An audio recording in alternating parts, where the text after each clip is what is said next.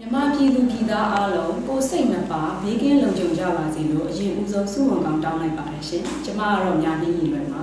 အမျိုးသားညီညွတ်ရေးအစိုးရ NUG ရဲ့ပြည်ထရေးနဲ့လူဝင်မှုကြီးကြပ်ရေးဝန်ကြီးဌာနအနေနဲ့မြန်မာပြည်သူတွေရဲ့လူမှုဘဝလုံခြုံရေးကိုဥထိပ်ထားပြီးတော့အကြမ်းဖက်စစ်ကောင်စီရဲ့အန္တရာယ်ကနေအကာအကွယ်ပေးနိုင်ဖို့ကိုစီစဉ်ဆောင်ရွက်လျက်ရှိပါတယ်။အဲ့လိုစီစဉ်ဆောင်ရွက်တဲ့နေရာမှာအာဏာသိမ်းအကြမ်းဖက်စစ်ကောင်စီကပြည်သူတွေအပေါ်မှာ အကြမ်းဖက်တာတွေမတရားဖမ်းဆီးနှိပ်စက်တာတွေညှဉ်းပန်းနှိပ်စက်တာနောက်ပြည်သူတွေရဲ့ပစ္စည်းဥစ္စာတွေနဲ့အိုးအိမ်တွေကိုသိမ်းပိုက်ဖျက်ဆီးရတယ်။ဒါတွေကိုတရားမျှတမှုရှာဖွေနိုင်မှုနဲ့ပြည်သူတွေရှေ့မှောက်မှာတရားစီရင်နိုင်မှုပြီးတော့နိုင်ငံတကာတရားရုံးတွေမှာအမှုဖွင့်တိုင်ကြားနိုင်မှုလိုပါတယ်။အဲဒါကြောင့်မလို့ပြည်သူတဦးချင်းအနေနဲ့အမျိုးသားညီညွတ်ရေးအစိုးရ NUG ရဲ့ပြည်ထရေးနဲ့လူဝင်မှုကြီးကြပ်ရေးဝန်ကြီးဌာနမှာ ဓာတ်ရိုက်ဘယ်လိုတိုင်ကြားလို့ရလဲဆိုတာကိုကျွန်မအနေနဲ့အသေးစိတ်ရှင်းပြချင်ပါတယ်။ပထမဦးစွာဒီမတရားမှုအတွက်မှုဖွင့်တိုင်ကြားရမယ်ဆိုလို့ရှိရင်မျိုးသားညီညွတ်ရေးအစိုးရ NUG ရဲ့ပြည်ထရေးနဲ့လူဝင်မှုကြီးကြပ်ရေးဝန်ကြီးဌာနရဲ့ website ကိုဝင်ပါမယ်။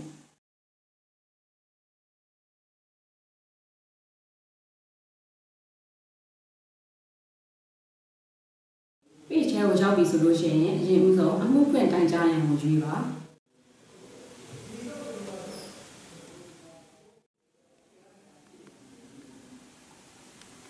ဒီအမှုဖွင့်တိုင်ကြား ရင် page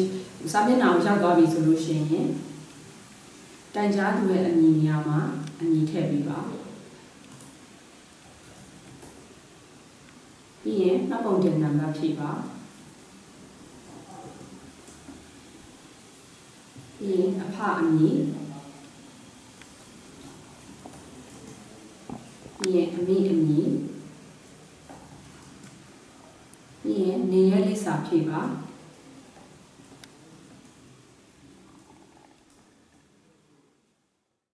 ပြီးရင်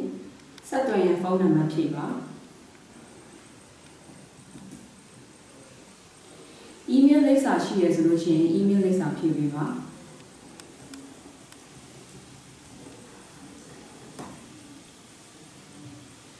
ပြီးလို့ရှိရင်တိုင်ကြားသူနဲ့အမှုချိုးဖောက်ခံရသူနဲ့ဆွေမျိုးတော်ဆက်ပုံကိုဖြည့်ပေးပါ။ဒါဆိုလို့ ရှိရင်အမှုဖွင့်တိုင်ကြားချက်မှာဒီမတရားဖမ်းဆီးမှုဆိုပြီးတွေ့ရပါလိမ့်မယ်။ဒါပေမဲ့ကိုတိုင်ချင်တဲ့အမှုပေါ့နော်။အဲ့ဒါကိုရွေးချယ်လို့ရပါတယ်။ဒီမှာရှိတာတွေကတော့မတရားဖမ်းဆီးမှု၊ညှဉ်းပန်းနှိပ်စက်မှု၊အိုးအိမ်ပျက်စီးဆုံးရှုံးမှု၊လိမ်မိုင်းဆိုင်ရာအကြမ်းဖက်မှုအကြမ်းဖက်တပ်ဖြတ်မှုခိုးဆိုးလူရက်မှုအာဂရိချစားမှုအုပ်စုဖွဲ့အနိုင်ကျင့်မှုအတ္တမလုံအားခိုင်းစေမှု ရှိပါတယ်အခြားသောအကြောင်းအရာကတော့ဥပမာကျွန်မပြောရရင်လမ်းမှာသွားရင်လည်းဖုန်းအသိမ်းခံရတာတို့နောက်ပတ်စံသိမ်းခံရတာမျိုးပေါ့နော်ဒီကျွန်မတို့ပြထားတဲ့ထဲမှာမပါတဲ့အမှုတွေဆိုလို့ရှိရင်တော့အခြားသောအကြောင်းအရာကိုရွေးချယ်ပေးပါအခုဥပမာအနေနဲ့တော့ဒီမတရားဖန်ဆီးမှုဆိုတာကိုတော့ကျွန်မရွေးလိုက်ပါတယ်အဲ့ဒါပြီးလို့ရှိရင်ဒီအခင်းဖြစ်ပွားသည့်နေရာ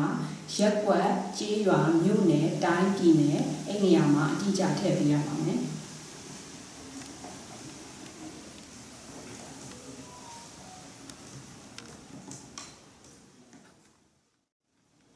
လို့ရှိရင်အခင်းဖြစ်ပွားသည့်ရက်စွဲပေါ့နော်ဒီမှာတခါတည်း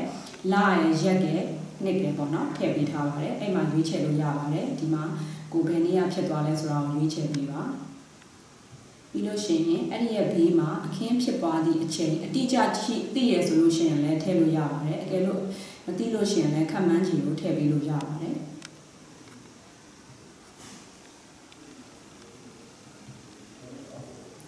ပြီးလို့ရှိရင်တော့ အမှုဖြစ်စဉ်ကိုရေးပေးရပါမယ်အဲ့တော့ကျွန်မဥပမာအနေနဲ့ပဲရေးပေးလိုက်ပါမယ်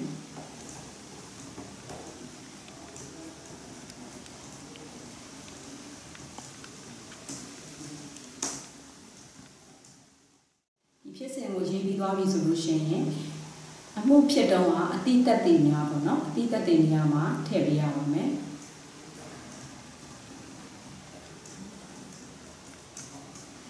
ပြီးရင်ဗီဒီယို link မှတ်တမ်းသက်သေများရှိလို့ရှိရင်ဖြည့်ပြီးလို့ရပါတယ်ပြီးရင်ဓာတ်ပုံမှတ်တမ်းသက်သေများအတွက်ကိုဒီမှာ file ရွေးပြီးတော့ဓာတ်ပုံရှိလို့ရှိရင်ဓာတ်ပုံထည့်ပေးရပါမယ်နောက်ပြီးတော့စာရွက်စာတမ်းမှတ်တမ်းသက်သေများရှိရင်လည်း file ရွေးပြီးတော့ထည့်ပေးလို့ရပါတယ် အားလုံးဒီဟာတွေအကုန်ပြည့်စုံပြီဆိုလို့ရှိရင်တော့ဒီအောက်မှာအမှုဖွင့်တိုင်ကြားချက်သည်တိုင်ကြားသူ၏ဆန္ဒသဘောထားအမှန်ဖြစ်သည်အမှုဖြစ်စဉ်သည်လည်းမှန်ကန်တိကျကြောင်းခံဝန်ကတိပြုအပ်ပါသည်ဆိုတော့ဒီဘေးကအခွက်ကလေးကို click တစ်ချက်နှိပ်ပြီးတော့ရွေးလိုက်ပါဒါတွေအားလုံးပြီးသွားပြီဆိုလို့ရှိရင်တော့အောက်ဆုံးမှာတိုင်ကြားပါဆိုတဲ့ဟာကို click လုပ်ပါဒါဆိုလို့ရှိရင်တိုင်ကြားပြီးပါပြီရှင်။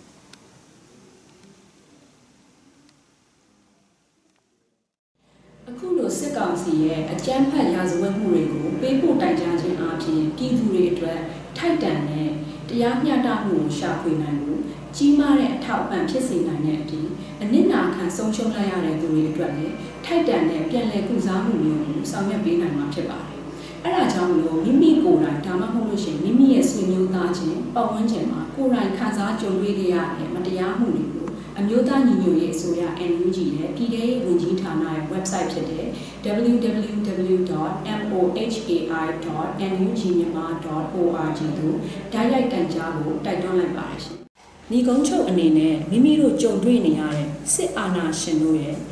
မတော်မတရားမှုတွေအနိုင်ကျင့်မှုကြမှုတွေကိုရဲရဲဝံ့ဝံ့နဲ့ယုံကြည်စိတ်ချစွာတိုင်ကြားပေးပါရန်မေတ္တာရက်ခံလိုပါတယ်။အားလုံးကိုကျေးဇူးတင်ပါတယ်